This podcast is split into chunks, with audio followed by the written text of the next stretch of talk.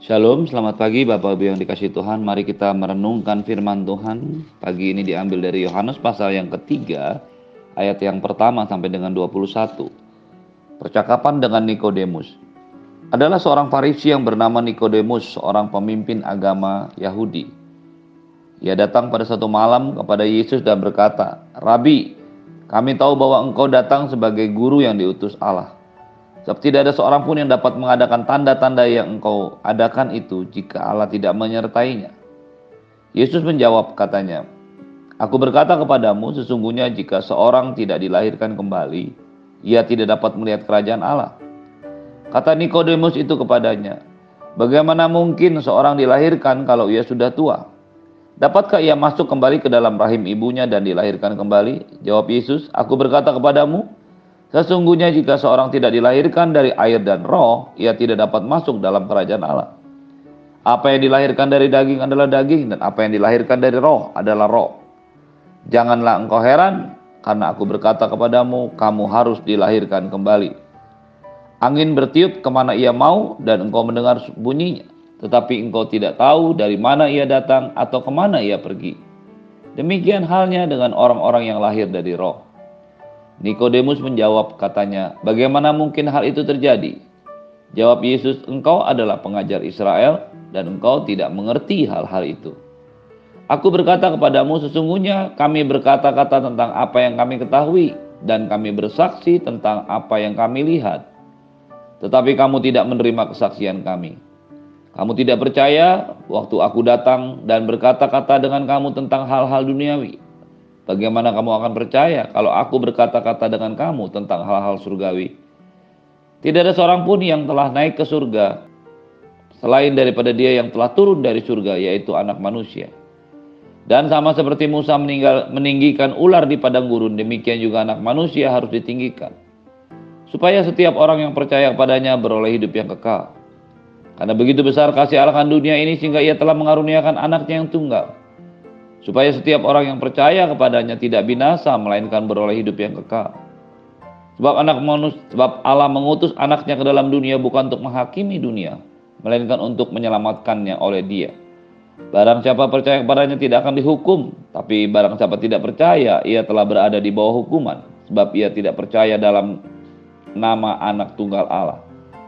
Dan inilah hukuman itu, terang telah datang ke dalam dunia, tetapi manusia lebih menyukai kegelapan daripada terang, sebab perbuatan-perbuatan mereka jahat.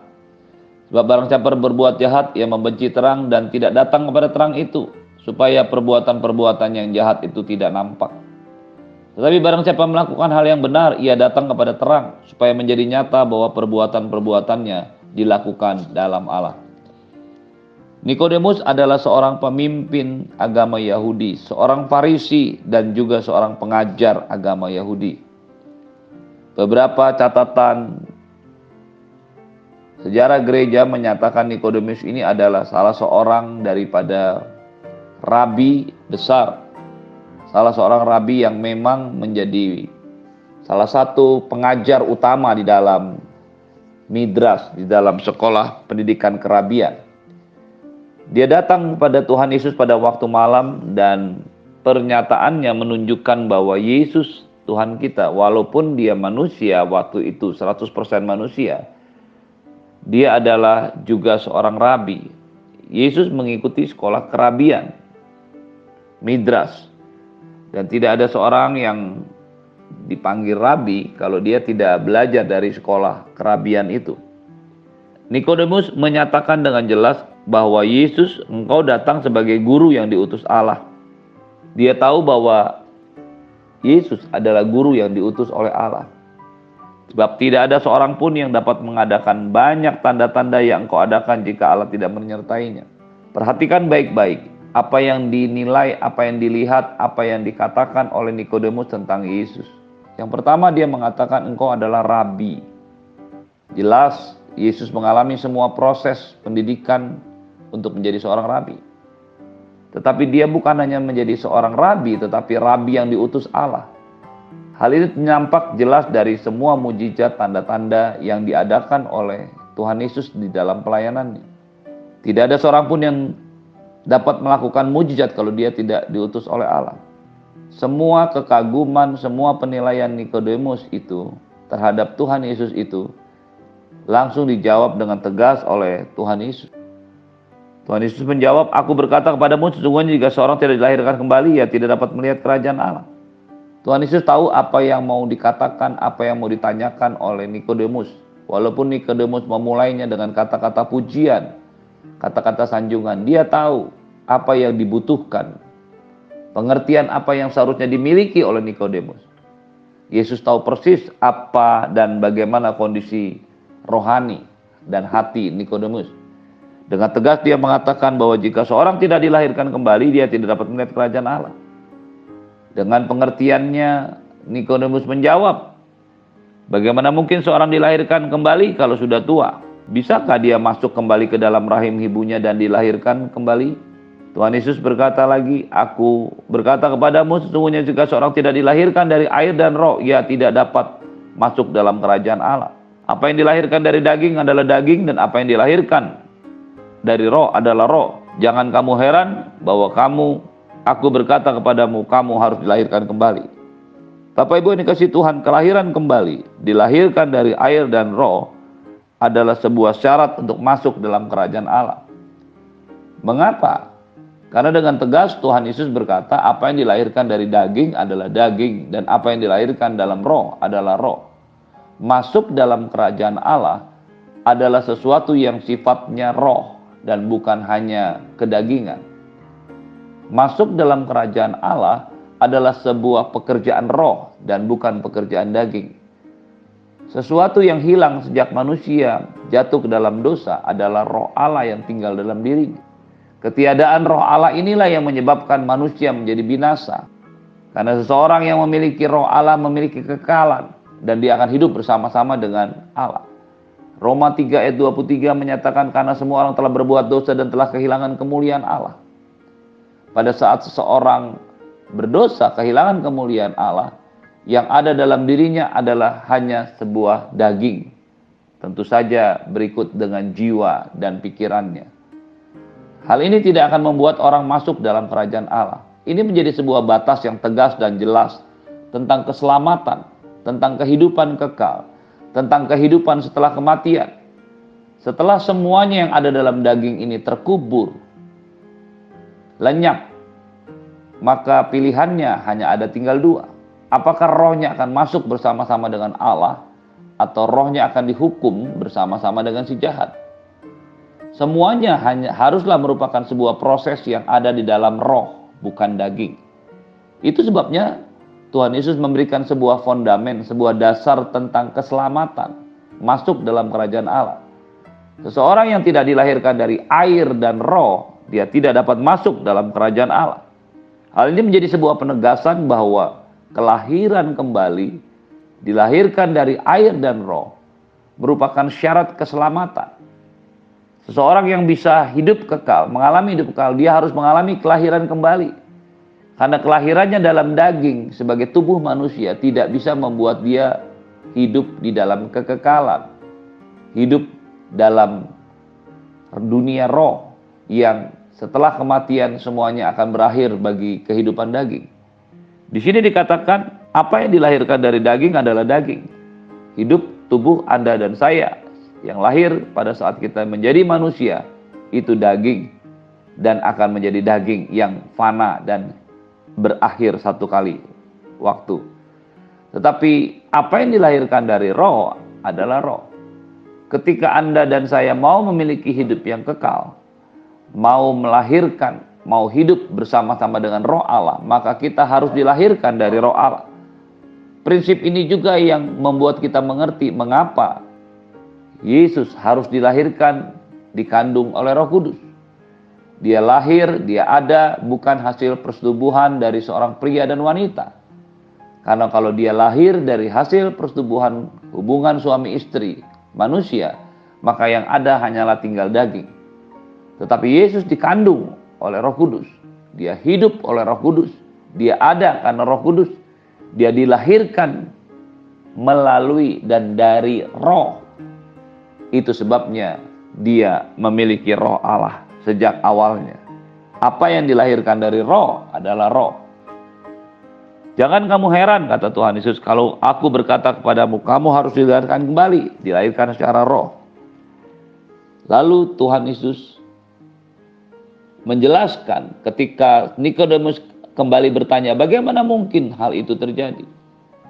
Tuhan Yesus berkata, Aku berkata-kata tentang apa yang kami ketahui dan kami bersaksi tentang apa yang kamu lihat, tapi kamu tidak menerima kesaksian kami. Pengertian-pengertian yang didapatkan oleh Tuhan Yesus, yang diajarkan oleh Tuhan Yesus, tidak dapat diterima oleh Nikodemus. Dia berkata, bagaimana mungkin hal itu terjadi? Karena itu Tuhan Yesus menjawab, dia berkata dan dia bersaksi tentang apa yang diketahui dan dilihat. Hal ini menunjukkan dengan jelas bahwa semua apa yang dimaksudkan dengan semua aturan dan hukum-hukum agama hanya bisa dimengerti menurut pikiran manusia. Itu sebabnya agama tidak pernah bisa menyelamatkan kita. Keselamatan haruslah merupakan inisiatif daripada Allah. Karena kehidupan kekal ada dan menjadi milik Allah. Kamu tidak percaya waktu aku berkata-kata tentang hal-hal duniawi, bagaimana kamu akan percaya kalau aku berkata-kata tentang hal-hal surgawi? Tidak ada seorang pun yang telah naik ke surga selain daripada dia yang telah turun dari surga, yaitu anak manusia. Tuhan Yesus kembali menempatkan posisi atau inisiatif awal dari keselamatan, jalan keselamatan itu kepada tempat yang tepat. Dan ini bukan hanya dikatakannya menjadi sebuah catatan baru, tetapi menjadi sebuah pengulangan bahwa keselamatan manusia itu merupakan sebuah inisiatif pekerjaan yang dilakukan Allah sejak mulanya. Dengan tegas Tuhan Yesus berkata tidak ada seorang pun yang naik ke surga selain daripada dia yang telah turun dari surga. Hal ini menunjukkan bahwa haruslah Allah yang turun untuk menyelamatkan manusia baru bisa membawa manusia kepada Allah. Bukankah hal ini sudah digambarkan sebagai sebuah tipologi ketika Tuhan berada di Taman Eden untuk menyelamatkan Adam dan Hawa? Adam dan Hawa membuat pakaian dari daun pohon ara, tetapi itu tidak bisa menutupi ketelanjangan mereka di hadapan Allah. Usaha manusia tidak akan pernah bisa menyenangkan Allah karena tidak pernah bisa menghapus dosa manusia. Allah lah yang turun lalu masuk ke Taman Eden dan menyembeli seekor binatang, mengambil kulitnya dan mengenakannya kepada Adam dan Hawa. Allah lah yang menyembeli binatang. Allah lah yang mengenakan pakaian dari kulit binatang itu kepada Adam dan Hawa. Dan dengan itu menutupi ketelanjangannya. Haruslah Allah yang turun dari surga. Menyelamatkan manusia, menebus manusia, mengampuni manusia. Barulah Allah bisa membawa orang itu kepada kembali kepada kerajaan Allah di surga. Setiap usaha perbuatan baik yang dilakukan oleh manusia, amal, tidak akan pernah bisa menyelamatkan karena itu tidaklah lebih sama dari perbuatan yang mengambil daun pohon ara sebagai pakaian yang menutupi tubuh.